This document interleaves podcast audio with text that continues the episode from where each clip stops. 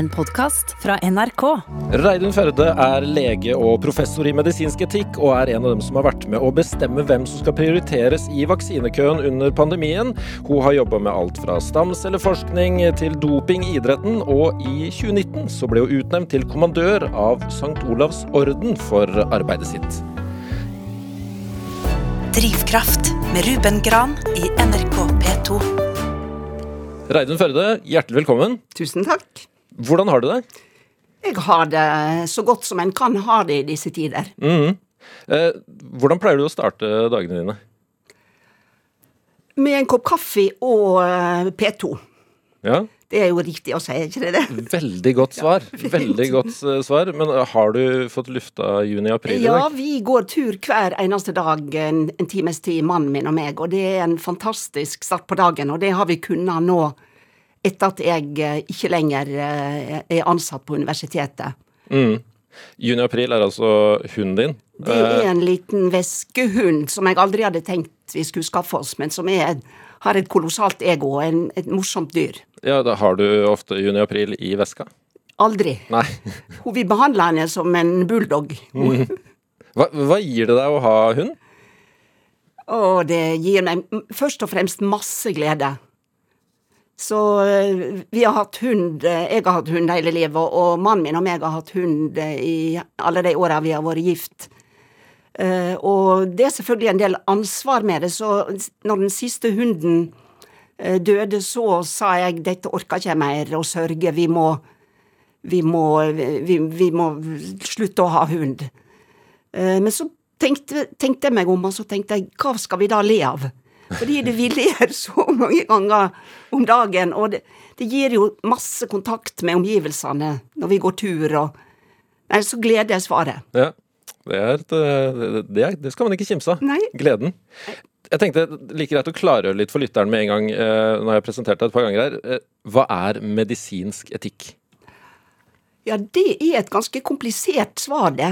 Men eh, med, for å, å ta kortversjonen, så er det et arbeid som tar sikte på å eh, få fram de verdiene som medisinsk praksis er bygd på. Og kanskje eh, stille spørsmål med, med de verdiene som ligger til grunn for ulike praksiser i medisinen.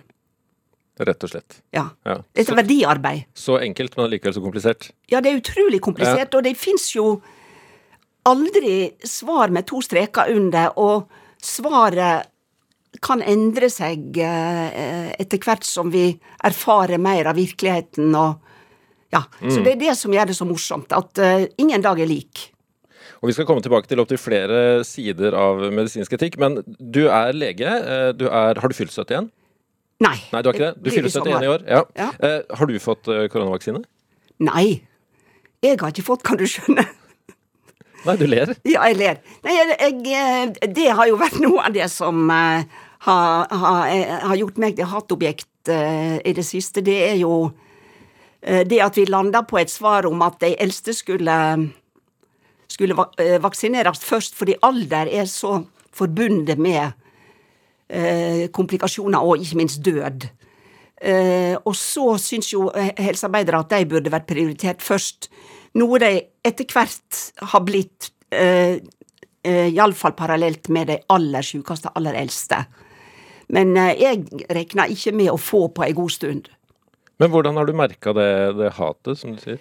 Nei, jeg er jo heldigvis ikke på Facebook, men, eh, men jeg har skjønt at eh, at eh, det har vært eh, mye raseri, og på en måte forståelig raseri også blant eh, mine kollegaer som, eh, som står i det daglige og, og ser folk eh, hvor syke folk blir, og veit at dette er smittsomt.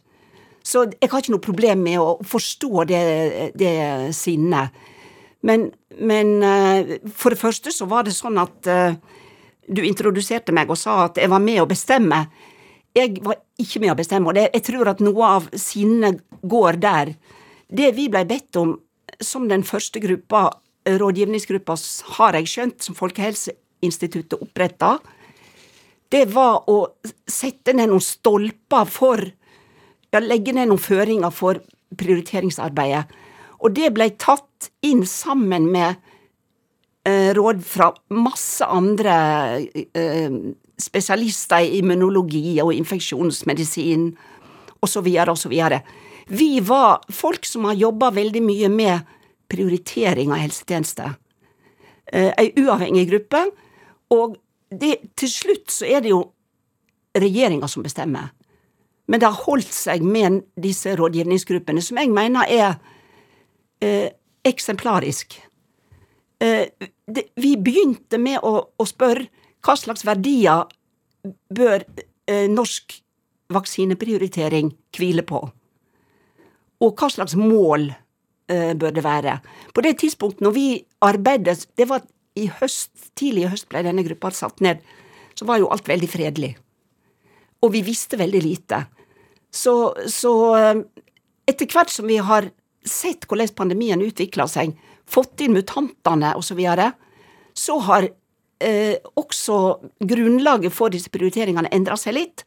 Og da er det helt opplagt at med, med større smitte, så må en, eh, må en eh, ta helsearbeidere høyt opp. For de skal stå i dette.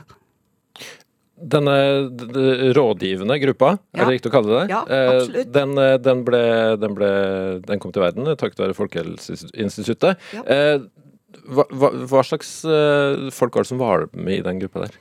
Det var veldig bredt sammensatt. Vi var flere leger, riktignok ingen av oss i aktiv klinisk praksis på det tidspunktet der. Alle har jobba med prioritering, noen fra et mer samfunnsvitenskapelig ståsted, og noen fra et mer filosofisk ståsted. Eh, og sammen, og noen to har praksis fra Eller var eh, lokalisert i England, eh, og hadde på en måte et litt sånn litt fjernere perspektiv på norsk helsetjeneste. En dansk lege og filosof, og en eminent etiker. Så, så det var veldig bredt sammensatt, den gruppa. Mm. I en slik eh, gruppe, da, hvor starter man? Ja, en starta Vi valgte å starte med å spørre hva slags eh, verdier eh, skal vi legge til grunn.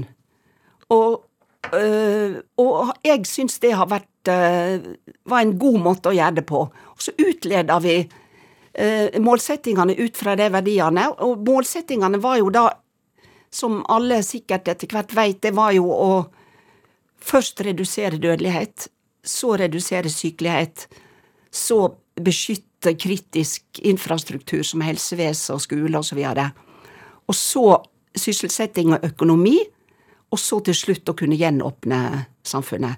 Men én og to, dødelighet og sykelighet, kom, som, no, eh, kom høyt opp. Mm. Ja, ris redusere risiko for død vel, eh, tok vel førsteplassen? Ja. Hvis man skal si det ja. enkelt. Og der kom alder inn. Som en, ut fra det vi visste på den gangen, så var det mange, mange, mange ganger dobla dødelighet hvis du var over 80 sammenligna med hvis du var under 60. Mm. Nå kan det ha endra seg med det nye viruset. Vi, vi veit ennå ikke. Så dette er jo ting som var sant i går, det er ikke sant i morgen. Så det, vi må bare henge på. Men hadde, dere, eller hadde noen av dere erfaring fra altså, Man har jo knapt sett noe lignende som koronapandemien nå i moderne tid. Har noen noe lignende erfaring å ta med inn i et sånt arbeid? Nei, ikke det jeg veit. Ingen av oss har det. Men vi har, flere av oss, eller alle, har jobba med vanskelige spørsmål knytta til eh, prioritering av helsetjenester generelt. Mm. Det, er jo, det, er jo, eh, nok til å hisse folk opp bare det og det arbeidet der, og si hvem skal komme bak.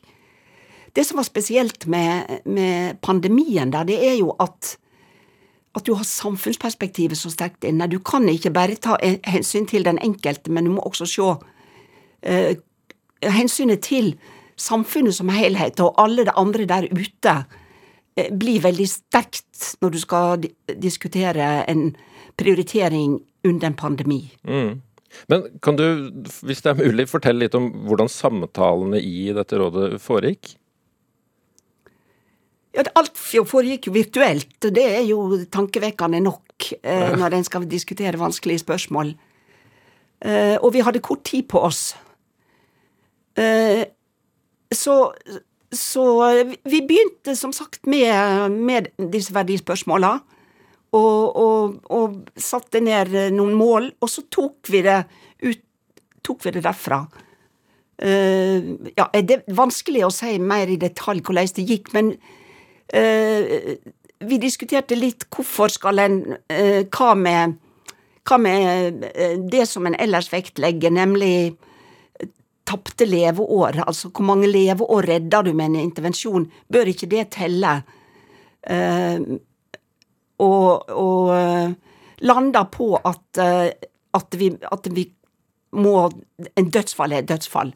Og det er kanskje noe som jeg i ettertid tenker uh, at vi burde nyansert noe mer at at mennesker som er helt på tampen av livet sitt, der en ellers ikke har, har sagt at her gjør vi ikke noe mer, nå skal vi sørge for at vedkommende får best mulig tid igjen. At vi burde vært helt klare på at, at de, disse aldeles mest skrøpelige kanskje ikke skulle ha vaksine. Og det, var, det er jo der vi hadde de første dødsfallene også. Ja, Blir det sånn at man går og gnurer litt på det arbeidet man har gjort, og kanskje ikke klarer å legge det helt fra seg etterpå? Jeg gjør stort sett alltid det. Ja. Det er alltid motforestillinger mot det, det vi driver med. Men følger, følger, det med yrket? Ja, det veit jeg ikke. Jo, jeg, jeg, tror at veldig mange som jobber med etikk, er, er sånn at en eh, spør er det noe så sikkert. Men ikke alle. Noen er skråsikre, og det er klart, de har det jo best. Men hvor mye kjenner du på ansvar med tanke på det dere gjør der?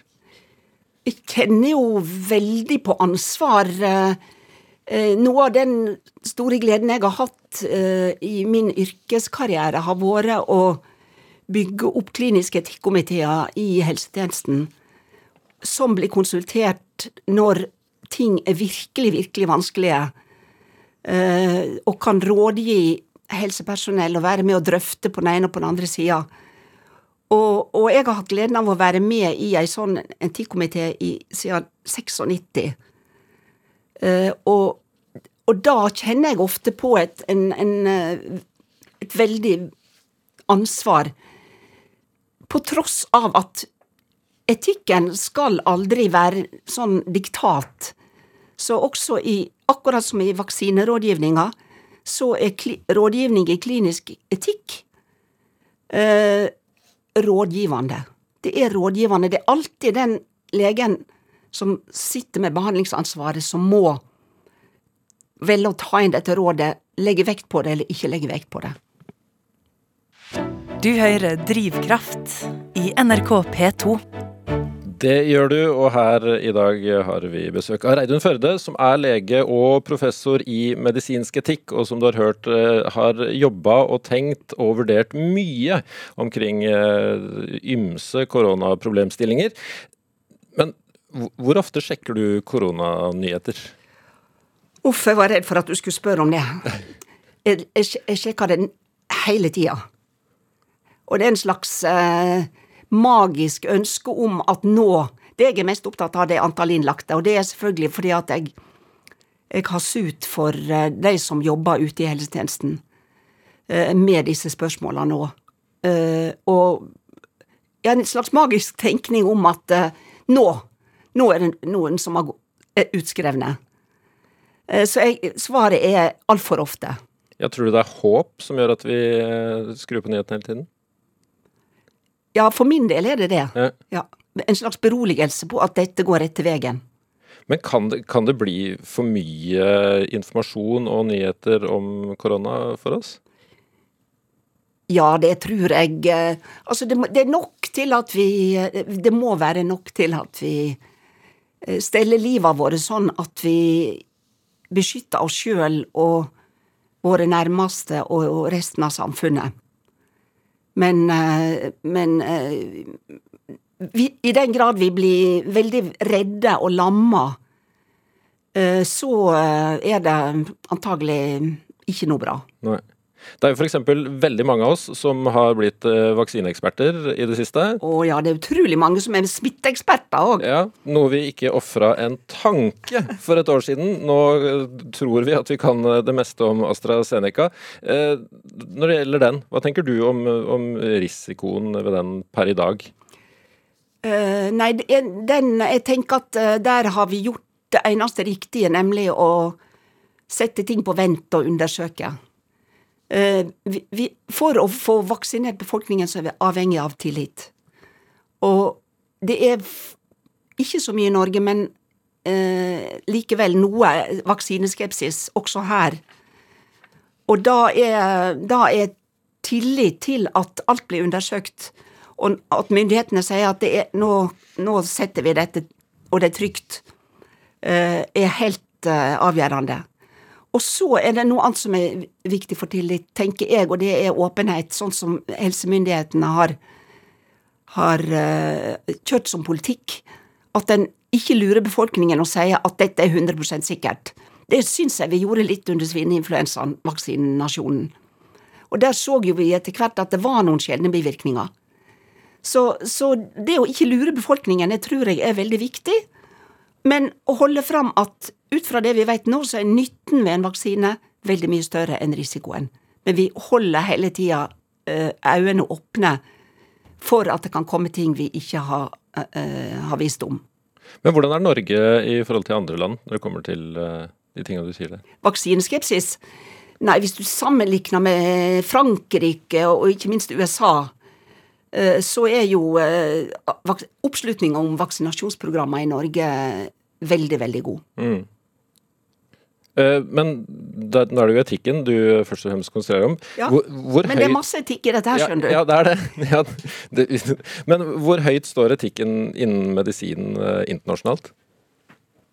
Er Norge ledende på medisinsk etikk? Uh, altså, vi, det, det Vi er ikke ledende, kanskje, men det, vi, det jeg kan si, uh, det er at den klinisk-medisinske etikken, det jeg beskrev i stad om, om å få etikkarbeid ut i helsetjenesten, at ikke det skal være bare noen eksperter som sitter inne på et kontor på universitetet uh, og, og svarer opp hva som er svart og hvitt, men å få det ut, ut til pasientene, ut i praksis, der er Norge veldig gode.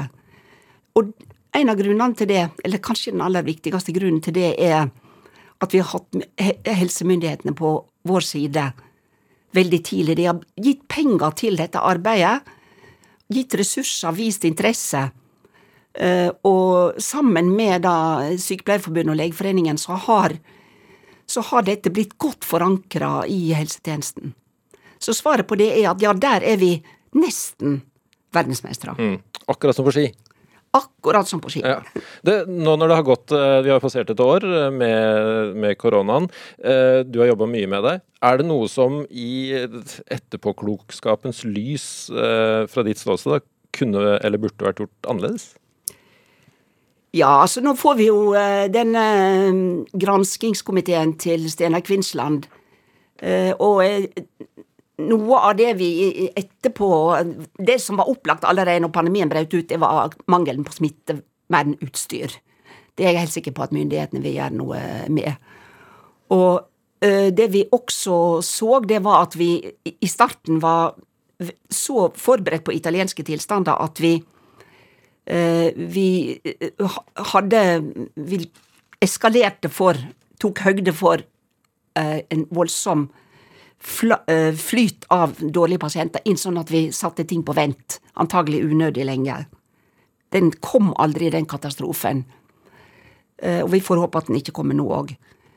Eh, så det er det jeg tenker på. Og så tenker jeg på noe som som mange mennesker bærer i seg den dag i dag, og det er at vi ikke At vi var altfor redde til å la folk få lov å være sammen i den siste fasen av livet. Det har jeg fått mange telefoner og e-poster om mennesker som, som, sørger, og som har vondt i seg ved at, at, at deres kjære lå og døde alene. I dag har vi fått mye bedre rutine på det òg. Hva gjør det med deg å få de Når det går opp for deg Jeg blir jo trist bare du forteller. Ja, det er Nei, det er jo Gjort er gjort, og spist er spist, og, og det, du blir trist, men det eneste du kan bruke sånne ting til konstruktivt, det er å si nå er vi blitt klokere. Vi gjør ikke dette en gang til. Og derfor så er jo denne refleksjonen som eh, vi helsepersonell, politikere og, og, journalister, vil jeg si, mediene har eh, også Det er jo stappfullt av korona. Eh, at vi går gjennom og ser i ettertid hva har vi lært av dette her. Mediene er også voldsomt viktige aktører i, i uh, denne pandemien. Du snakker sjøl om uh, informasjon overload og sånne ting. Og her sitter vi. Ja, her sitter vi. Drivkraft i NRK P2. Og vi som sitter her, er meg som er Ruben Gran, og Reidun Førde, som er professor i medisinsk etikk. Når skjønte du at du ønska å bli lege? Åh, oh, det er det, Jeg var bitte lita. Jeg hadde ei mor som jobba på Høyanger sjukehus. Og jeg fikk lov å, å, være med og se på babyene som var født om natta, og lukte på eh, sjukehuslukta og Nei, jeg, jeg, visste det når jeg var en fire-fem år, og jeg begynte å lese legebøker eh, tidlig. Ja, hva, hva, var det som fascinerte deg med, med legeyrket? Det var vel en slags eh, Jeg kan neppe svare naturvitenskapen. Det var vel et, en, et, ønske om å hjelpe, tror jeg. Det høres ut som en floskel, men jeg, jeg tror faktisk det var noe der. Kanskje et ønske om å være betydningsfull òg. Det vet jeg ikke. Hvordan var, hvordan var, det å ta legeutdanning da du, da du tok den? Ja, det var jo det var, Jeg satt faktisk i dag med ei kullvenninne og forberedte 50-årsjubileum og så gjennom ei Vi var den første kvinnegruppa på medisin. Uh, og noen var militante AKP-ere, og noen av oss var ikke det. Men vi hadde felles kampsak, og noe av det vi hadde felles kampsak om, det var jo selvfølgelig barnehager og arbeidstid, sånn at vi kunne kombinere det med barn, men, men uh, tankevekkende nok, det var kjønnskvotering på medisin. For vi var jo få jenter i forhold til gutta. I dag har jo dette snudd totalt. Nå snakker en om kjønnskvotering av menn, fordi nesten alle er, er kvinner. Ja, ja, når var dette her? Dere... Dette var i Var det 71 vi, vi eh, starta opp, ja.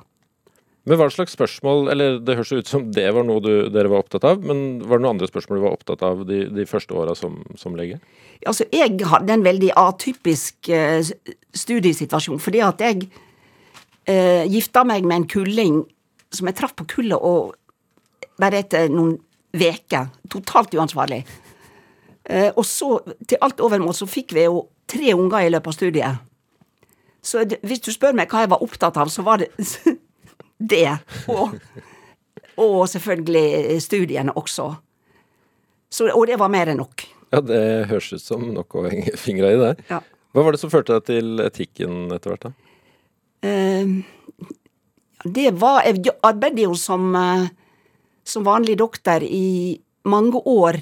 Og det som førte meg til etikken, var at jeg begynte med en, en, en lite sånn idealistisk forskningsprosjekt. Da hadde jeg jobba med gravide i flere år, og, og, var opptatt av at vi var for Altså, vi var opptatt av at barna skulle bli født fysisk friske, og det er viktig, selvfølgelig, men av og til så så du mennesker som tok hjem en baby som var uh, Kvinner som var ganske hjelpeløse, og du visste at her her, her skulle vi jammen ha, ha kunne tilbydd støtte. Så jeg starta opp et lite sånn kartleggingsarbeid med og da hadde jeg begynt i allmennpraksis, uh, hoppa av fra, fra, gynekologi og fødselshjelp, og begynt i allmennpraksis, og, og tenkte at der blir du godt kjent med folk uh, i svangerskapskontroll, og kanskje fra før av òg. Det må være en fin startpunkt for å kunne kartlegge hvordan folk har det, og om de trenger noe ekstra hjelp. Så det, det var det jeg begynte med. Fikk et forskningsrådsstipend, klinisk stipend og så begynte jeg, da når jeg hadde holdt på med dette en stund, å stille spørsmål. Da er jeg tilbake til det jeg sa i starten. Er det nå så sikkert at dette er nyttig? Er det noen bivirkninger ved dette her? Kan det være at ved å bore for mye i folk sine liv at jeg sykeliggjør dem? Kommer for langt innenfor deres private sfære? Hvor langt har jeg lov å gå? Hva, når jeg ser at folk ikke har det bra, og de sier jeg har det helt utmerket Et etisk dilemma, ser du. Så begynte jeg å jobbe med det, og da, da var det en, en av mine en som da allerede jobba med medisinsk etikk, uh, Jan Helge Solbakk, som sa men dette er, dette er viktig, og dette er etikk, har ikke du lyst å jobbe hos oss? Og så fikk jeg et forskningsrådsstipend og fikk en doktorgrad. Ja, hva, hva, hva, begikk, hva gikk eh, doktorgradsoppgaven din ut på? Det gikk nettopp på, på å, å, svare på disse spørsmåla som jeg løfter opp nå. Uh, og det har jeg jo etter hvert eh, forlatt veldig mye, og nå er det jo my mye større spørsmål som aktiv dødshjelp, prioritering, når er nok nok, når skal vi slutte å behandle, når går behandlinga over fra å bare plage folk, og så videre. Men akkurat det spørsmålet, hvordan tar vi vare på barna og familiene som sliter, eh, tenker jo jeg av og til, når det kommer opp nå, at vi må bli bedre på det, at jeg var tidlig ute der. Men litt sånn ubehjelpelig den gangen. Ja, hvordan sto det til med den etiske bevisstheten i, i helsevesenet og på sykehus på den tida der? Den, eh, det var jo, den etiske bevisstheten den gangen var Eller det, etikkarbeidet var jo først og fremst da eh, gjennom lege, et legeetisk råd, Råd for legeetikk, som jeg var medlem av i tolv år og leda i åtte og Sykepleierforbundet, som også har et etisk råd. Det var ikke så veldig mye klinisk etikkarbeid ute i helsetjenesten. Men det er det disse eh, komiteene har, har, bidratt til, da. Og etter hvert også gjennom komiteene delvis eh, eh fått i gang refleksjonsarbeid rundt vanskelige spørsmål ute på avdelingene det foregår ganske mye spennende eh, rundt i, i norsk helsevesen, og jeg er veldig stolt av mye av det arbeidet som blir gjort ute i helsetjenesten. Jeg tror ikke folk har peiling på hvor mange flotte, hardt arbeidende mennesker som er der ute. Så det står bedre til nå enn det gjorde da? Ja, det er eh, iallfall er det mer aktivt arbeid, men nå må du huske på at, det, at det, de vanskelige etiske dilemmaene, er jo Det er blitt så mye mer av det. Uh, den gangen uh, før før jeg begynte å bli doktor, så var jo, var jo ikke medisinen så veldig Vi kunne ikke gjøre så veldig mye. Men etter hvert som vi har fått makt og, og redskaper til å gripe inn i folk sine liv, så er jo ansvaret mye større, og dilemmaene er så mye større. Ja, hva, hva kommer det av? Er det, er det teknologien? Ja, delvis, delvis teknologien, og delvis ja, kunnskapstilfanget er jo blitt veldig mye større. Vi veit vi veit mye mer. Eh, prisen for det er jo at eh, medisinen er blitt veldig oppstykka. Sant? Eh, en kirurg veit i, i, gamle dager var kirurgene, indremedisinerne, generalister, så de kunne stort sett hoppe på alt mulig. I dag er det så det er greinspesialiteter som gjør at en kirurg ikke er spesialist på tarmen, men er spesialist på en del av en tarm. Mm. Og, og sykehusene er bygd opp delvis rundt organ. Det betyr at helheten eh, lett blir borte. Og det, og det, er noe jeg virkelig er opptatt av at, eh, at vi på en eller annen måte ikke har greid helt å kompensert for. Så det er én del av det. Og den andre delen er at det blir enda mye viktigere å samarbeide og snakke sammen mellom avdelinger, og ikke minst mellom nivået i helsetjenesten. Og der er vi ikke gode nok. Hvordan er vi ikke gode nok? Fordi at det blir sånne siloer. Vi arbeider, vi er opptatt av akkurat det vi holder på med, og som er viktig nok. Gevinsten ved det er at vi er blitt så innmari gode. Vi får til ting som er helt fantastiske. Men, men eh, når vi er så besatt av det, så glemmer vi litt at pasienten er noe annet enn akkurat det vi jobber med, og at pasienten skal ut til et liv og har eh, ma kanskje mange andre behandlere som er nødvendig for å få livet i gjeng igjen. Hva slags konsekvenser kan det ha for, for folk? Ja, det, det har jo konsekvenser at behandlinga blir dårligere uh, og dyrere. Og det tenker jeg at det burde politikerne uh, gripe tak i. hvis samhandlinga er dårlig, så blir medisinen dyrere. Og så er det også en ting som Helseministeren har fortjenstfull nok sagt eh, jeg vil ha pasientens helsetjeneste, pasienten skal stå i sentrum. Men hvis en ikke sam... Hvis en alle har sitt bitte lille perspektiv ned i mikroskopet, for å sette det litt på spissen, så hvor er pasienten der? Så jeg har ingen gode svar på dette her, men jeg, jeg mener at det har fått for lite oppmerksomhet. Uh, og jeg er med i noe spennende som heter Refleksjonspanelet til en to år gammel uh, undersøkelseskommisjon for helsevesenet. Uh, som går inn når det er alvorlig, skikkelig alvorlige hendelser i helsevesenet, eller det kommer varsel om noe som er, kan komme til å skje. Og det som eh, det, Noe som, som, vi allerede nå kan summere opp, det er at når en del av det, når det går virkelig galt, så er det ikke bare én som er ansvarlig, men det er en sum og manglende samhandling, manglende kommunikasjon, ansvarspulverisering, er ei overskrift. Er det mulig for eh, legestanden og helsevesenet å ha en jeg vet ikke om det er riktig ordbruk på det der, en, en felles etisk standard? Ja, det er et uh, godt spørsmål, det. Da tenker du alle som jobber i helsevesenet? Mm. Ja. Uh, det er egentlig et skarpt spørsmål, fordi at uh, Som jeg sa, da jeg begynte å jobbe med etikk, så var så var det Mesteparten av det etikkarbeidet som ble gjort i helsevesenet, det var via profesjonsorganisasjonene. Legeforeningen hadde sin etikk og sitt etikkarbeid som holdt legene i ørene og ga legene råd. Sykepleieren hadde sitt, ergoterapeutene hadde sitt. Alle hadde sånne etiske kjøreregler. Eh, og noe av det som, av det som har vært viktig med etikkomiteene og den kliniske etikken, er at vi har, akkurat som du sier, vi har, vi har lagd en felles etikk vi har satt oss ned når det har dukka opp et uh, vanskelig spørsmål, så har vi satt oss ned, og så har vi sett på, på dette spørsmålet fra ulike kanter. Eh, hva ser sykepleierne av pasient og pårørende?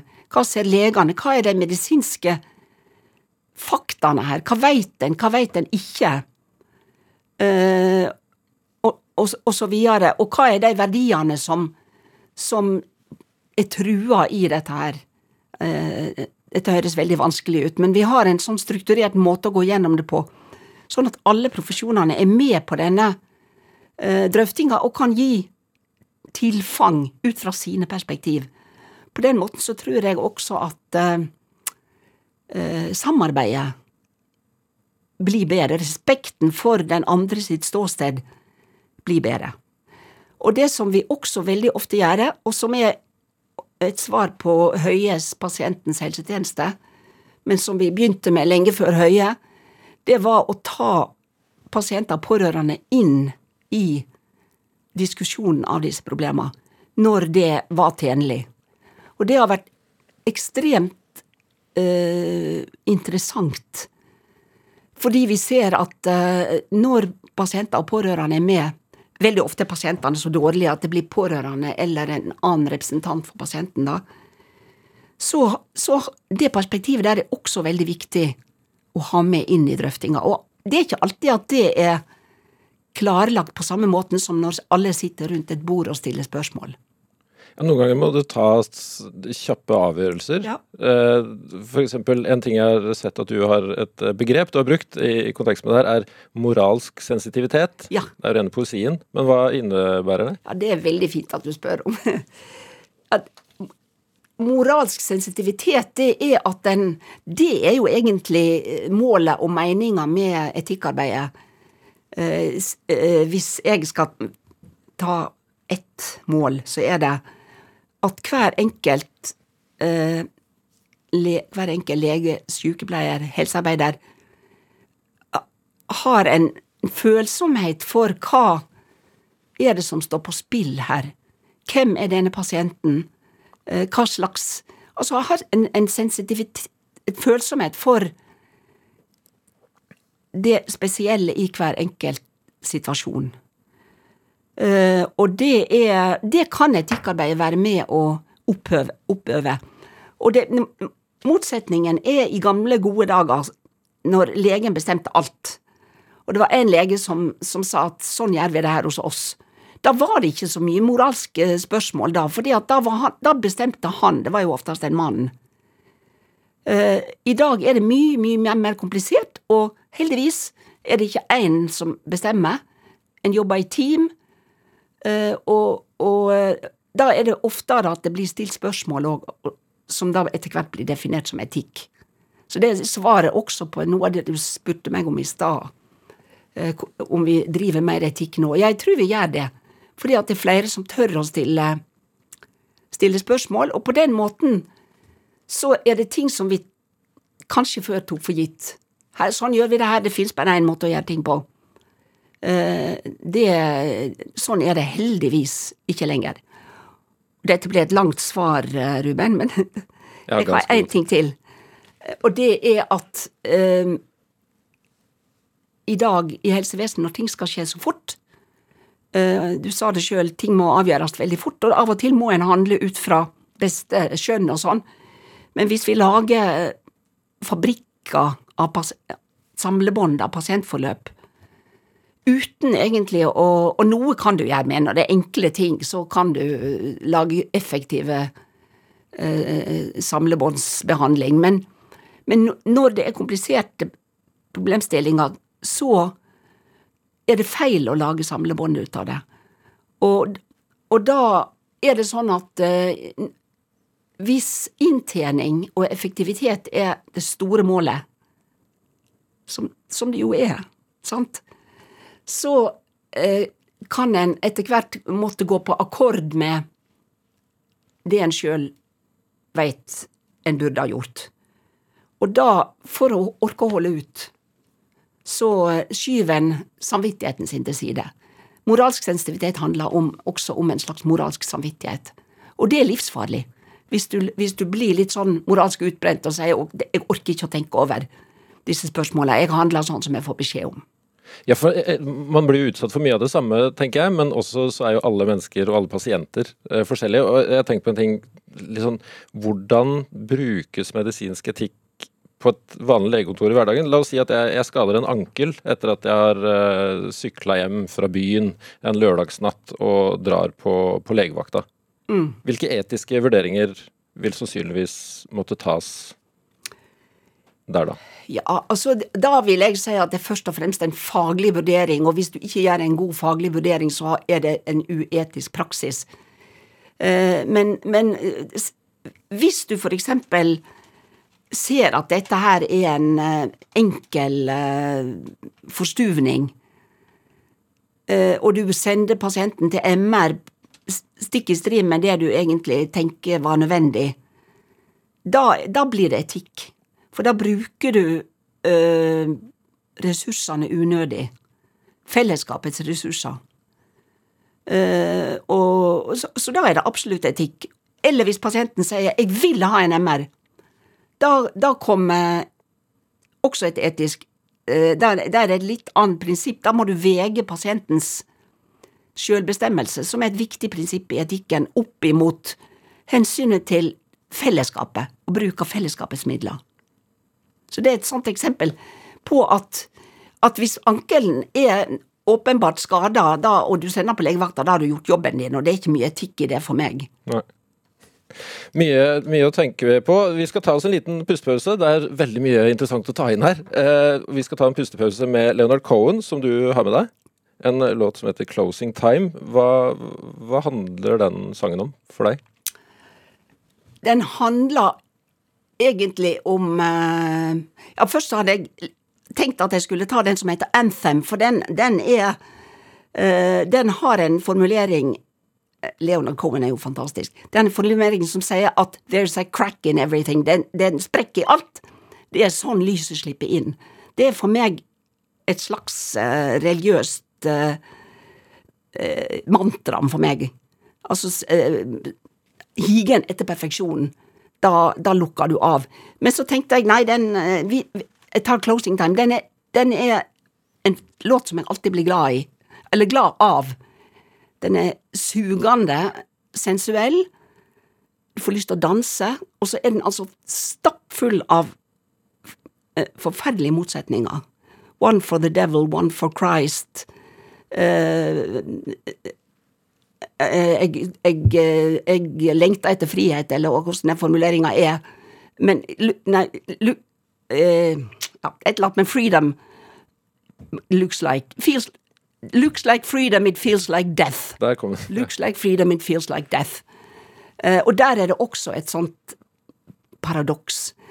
Og, og, jeg tenker at hele livet mitt har jo egentlig uh, vært å jobbe med sånne uh, paradoks, og, og, det er viktig å løfte det fram. Og Leonard Cohen gjør det på en fantastisk måte. Jeg skjønner jo ikke mye av tekstene hans, men noen formuleringer.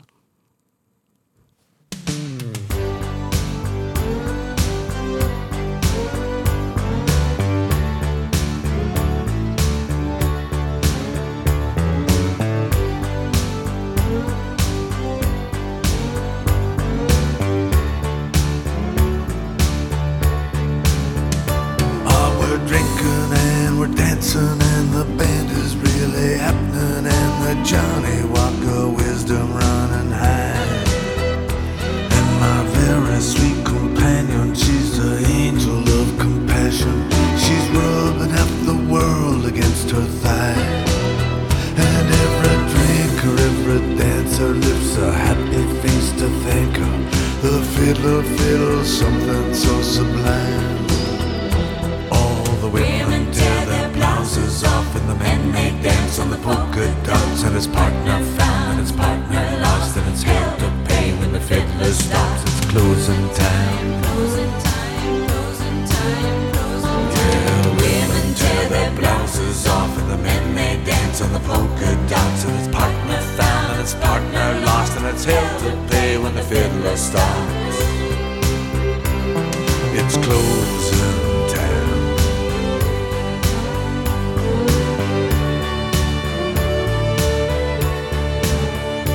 I'm well lonely, we're romantic And sad, at least with acid And the holy spirit's crying, where's the beef? swimming naked and the summer night is fragrant with a mighty expectation of relief. So we struggle and we stagger down the snakes and up the ladder to the tower where the blessed hours chant. And I swear it happened just like this, a sigh, a cry, a hungry kiss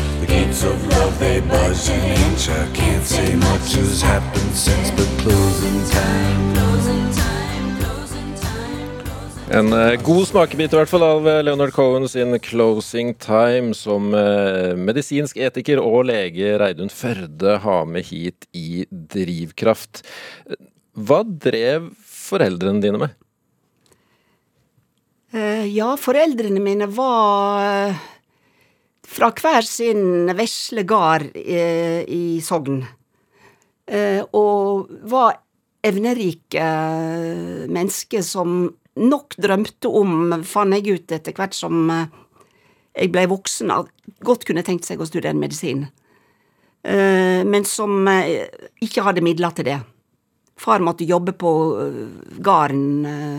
Han mista mor, 42 år gammel, fra en barneflokk på åtte. Og far var eldst. Så de ble lærer og sykepleier. I, og slo seg til i Høyanger fordi Eh, bestefar var 20 når far var født, så far skjønte at det ville ta Han måtte gjøre noe annet enn å gå og vente på å få overta gården. Og han, eh, han, fikk jo aldri overta gården, for når far var pensjonist, så skjøt eh, bestefar gården over, og det var jo da til den yngste broren til far. Hva, slags sted var Høyanger da du vokste opp der? Høyanger var en, eh, et lite industristad, eh, og i og med at vi var Det var Alt snurra rundt verket. Norsk Aluminiumskompani, NACO heter det den gangen. Det var et klassesamfunn. Det var veldig forskjell på arbeider og, og doktor, for den sakens skyld, og uh, ingeniører og, og direktører. Eh, så, og vi som da ikke var inne i verket, vår familie der med, med, lege, med lærer og sykepleier, vi opplevde, iallfall gjorde jeg det, og jeg tror brødrene mine òg opplevde altså dette klassesamfunnet på litt på avstand. Og, og jeg reagerte på det.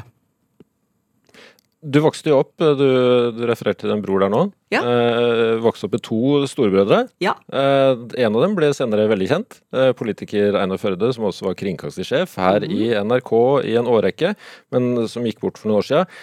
Og i biografien hans eh, så står det også litt om deg, at eh, storebrødrene dine gjorde alt de kunne for å få deg til å gråte. Ja, stemmer det.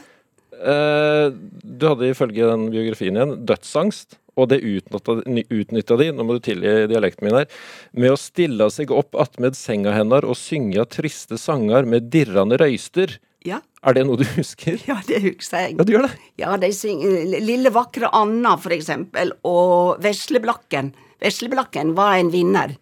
For det var jo med en hest som døde for en liten gutt, han hadde sprunget for å hente doktor til han. Den var en sikker vinner. Hva, hva, og, og det fikk deg til å gråte? Ja, jeg var vel en, var vel en følsom sjel, men jeg, ja, jeg var jo det. Men det, det høres jo brutalt ut. Einar skal ha skrevet et dramatisk dikt for henne som bare hadde som mål å få henne til å tute. Ja, det er godt mulig. Det, det kan jeg ikke huske, men det er sikkert sant. Han har sikkert sagt det sjøl. Men det var jo moro, og det var jo lett å erte. Mm. Forferdelig lett å erte, og det var alltid to mot én. Uh, når det er sagt, så var det jo også veldig mye moro hjemme. Det var veldig mye galskap. Uh, og det var relativt høyt under taket. Uh, men uh, jeg har jo hatt venner som har sagt at burde, det må jo være noe galt med deg som ikke har behøvd å gå i terapi etter den oppveksten din. men det, ja, har det prega deg på noe vis?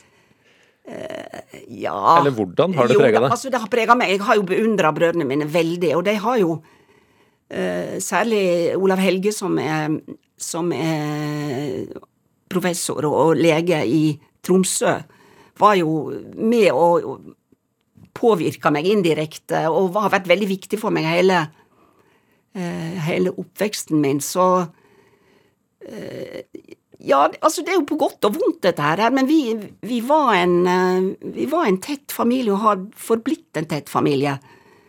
Men Nei, lett var det vel ikke alltid, men, men altså, i bunnen ligger, en, tror jeg, en, en en godhet for hverandre, da, og en sånn trygghet på at vi vil hverandre vel, som jeg har tenkt uh, i voksne år at uh, Maken til flott oppvekst som jeg har hatt, uh, det jeg kan ikke ønske meg noe mer.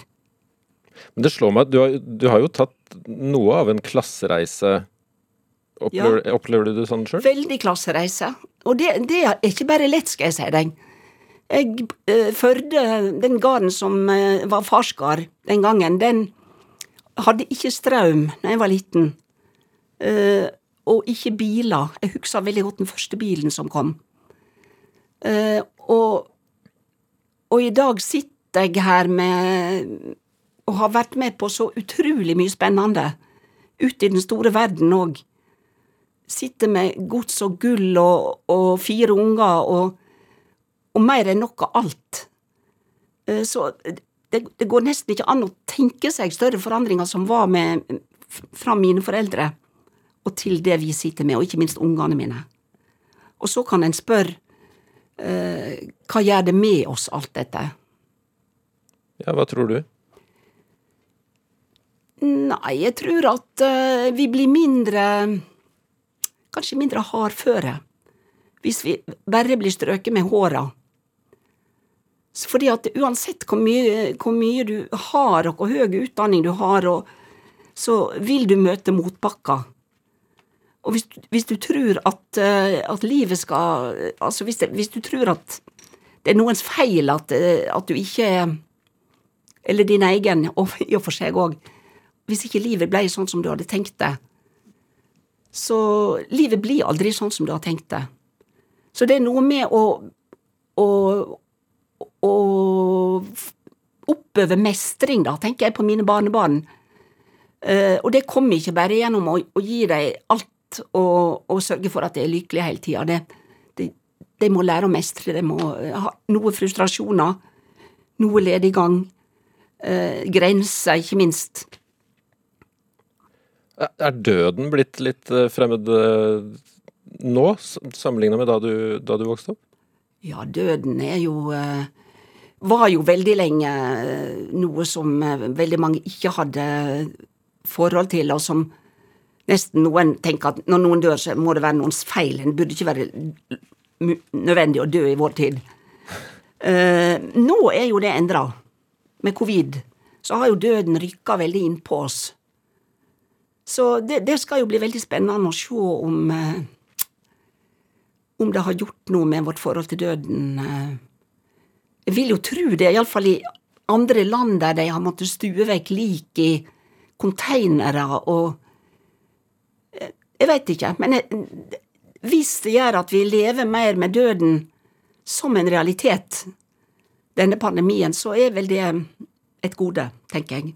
Ja, I de landa som du sier, som på en måte blir nødt til å stue bort sine døde, hva, hva tenker du om å være lege der? Ja, det er jo helt forferdelig. Det er jo øh, Og mange av dem er jo alvorlig traumatisert og utbrent. Så øh, det er jo det, det, er jo virkelig noe vi må styre etter i Norge også. Vi må ikke komme dit at, øh, at helsevesenet sin kapasitet blir overskridd. Men har, er det riktig at du også har gitt råd uh, utenfor Norge uh, når det kommer til uh, etikken i, i, pandemien? Nei, ikke noe annet enn at det har vært interesse for det arbeidet vårt, fordi uh, Iallfall sånn som jeg har latt meg fortelle, så er det Norge og Tyskland og New Zealand som har gjort det på den måten. En slags trappetrinn, da, at de har begynt med å spørre hvor vil vi? Og så har myndighetene etter hvert tenkt hvordan skal vi komme dit. Så det har vært litt, litt interesse for det som, i noen sånne webinar, som det heter på mm. fint nå. Ja, hva, hva, er det de har lurt på? Nei, de har vært interessert i, i, i hvordan vi har gjort det, og hvordan det har gått. Og myndighetene fulgte de rådene vi, uh, vi, la opp til, da. Og det gjorde de jo langt på vei. Uh, med ett unntak, og det var at vi løfta fram geografisk spredning av viruset som en av de tinga eh, som burde telle når du prioriterte. Og den, den er jo inne nå. Eh, vi snakker litt om foreldrene dine, eh, og så lurer jeg, hva slags tilbakemeldinger fikk du fra, fra dem eh, om karrierevalget ditt? Nei, det var jo det, det, var alltid sånn at uh, vi hadde fått god evne, og vi, det var bare å levere. Det var ikke noe spørsmål, og det, leksehjelp fantes ikke den gangen. Men uh, da jeg skulle bli lege, så sa mor at eh, ikke studer medisin hvis du har lyst på barn. Og jeg sa jeg vil ha mange unger, det har jeg alltid sagt. Eh, bli heller sykepleier. Så når jeg begynte å studere, så var ikke hun så veldig glad for det. Og når jeg da traff en medstudent, og fikk barn veldig tidlig, så Jeg, jeg, jeg hørte ikke mye på råd. Så eh, så var hun veldig opptatt av at mannen min skulle bli ferdig. At ikke jeg skulle hindre han i å bli ferdig. Og barn, barn ble det? Det ble opptil flere? Hvor mange? Fire. Fire barn, Fire, ja. Mm. Ja, barn ble det. Barn ble det. Og bra, bra barn. ja. Men, men du, har det vært litt trass i deg? Altså, det høres ut som du har, du har gjerne gjort uh, ting uh, på tross av? Ja da, jeg har det. Jeg har gått mine egne veier. Det har jeg gjort. Mm. Hvor kommer den trassen fra, tror du? Trassen kommer kanskje fra oppveksten. Du spurte om det i stad. Mm. Det er vel det at du, du, du må, må, stå på, og du tror du greier det. Ja, blir, blir, man sterkere av å måtte kjempe mot uh, to terroriserende storebrødre? Ja, du blir sterkere og svakere. Jeg vil alltid, alltid ha dårlig sjøltillit. Det, høres ut som en floskel, men, men det, det, er der også. Det er begge deler. Det er jo motsetningene. Nå vet jeg at du ikke er her som spåkone, uh, men hvilke nye etiske dilemmaer kan vi måtte risikere uh, å forholde oss til i fremover nå? med tanke på korona? Eh, jeg vil løfte det ut av koronaen og si at koronaen har vist, vist oss hvor viktig et godt offentlig helsevesen er. Det er en av de aller viktigste konklusjonene. Og da må vi tenke hvordan skal vi bevare det? Og da blir prioriteringsspørsmål. Nå kommer det masse nye, flotte medisiner inn som koster millioner av kroner per pasient per år. Og da er spørsmålet hvordan skal vi klare å ta inn det nye, og likevel bevare det offentlige helsevesen uten at, at det skal bli sånn at uh, har du penger, så får du bedre helsetjenester hvis du ikke har penger. Det er min store bekymring. Jeg syns jeg hører den uh, i deg, men hva er drivkraften din? Ja, er, det er en, uh, en rettferdighetssans, tror jeg jeg må si. Jeg lar meg opprøre av urettferdighet, og jeg vil gjerne bidra til rettferdighet. Jeg tror det, det er mye rart, men jeg tror det, hvis du skal ha én ting, så tror jeg det står høyt. Reidun Førde, tusen takk for besøket og en veldig interessant prat. Tusen takk sjøl. Du kan høre flere Drivkraft-samtaler og sendinger i NRK-appen, eller så kan du laste vårt sted som podkast der du laster ned podkast. Og så må du gjerne sende oss ris og ros og tips til mennesker som du mener har drivkraft. Vi hører veldig gjerne fra deg på e-post drivkraft alfakrøll nrk.no. Og så finner du Drivkraft på Instagram. Der heter vi NRK Drivkraft. Og produsent og generell klippe i dag har vært Kjartan Aarsand, og vi hadde neppe klart oss uten Anne Sofie Stang. Jeg har vært eh, Ruben Gran. Ha det godt. Vi hørs. Du har hørt en podkast fra NRK. Hør flere podkaster og din NRK-kanal i appen NRK Radio.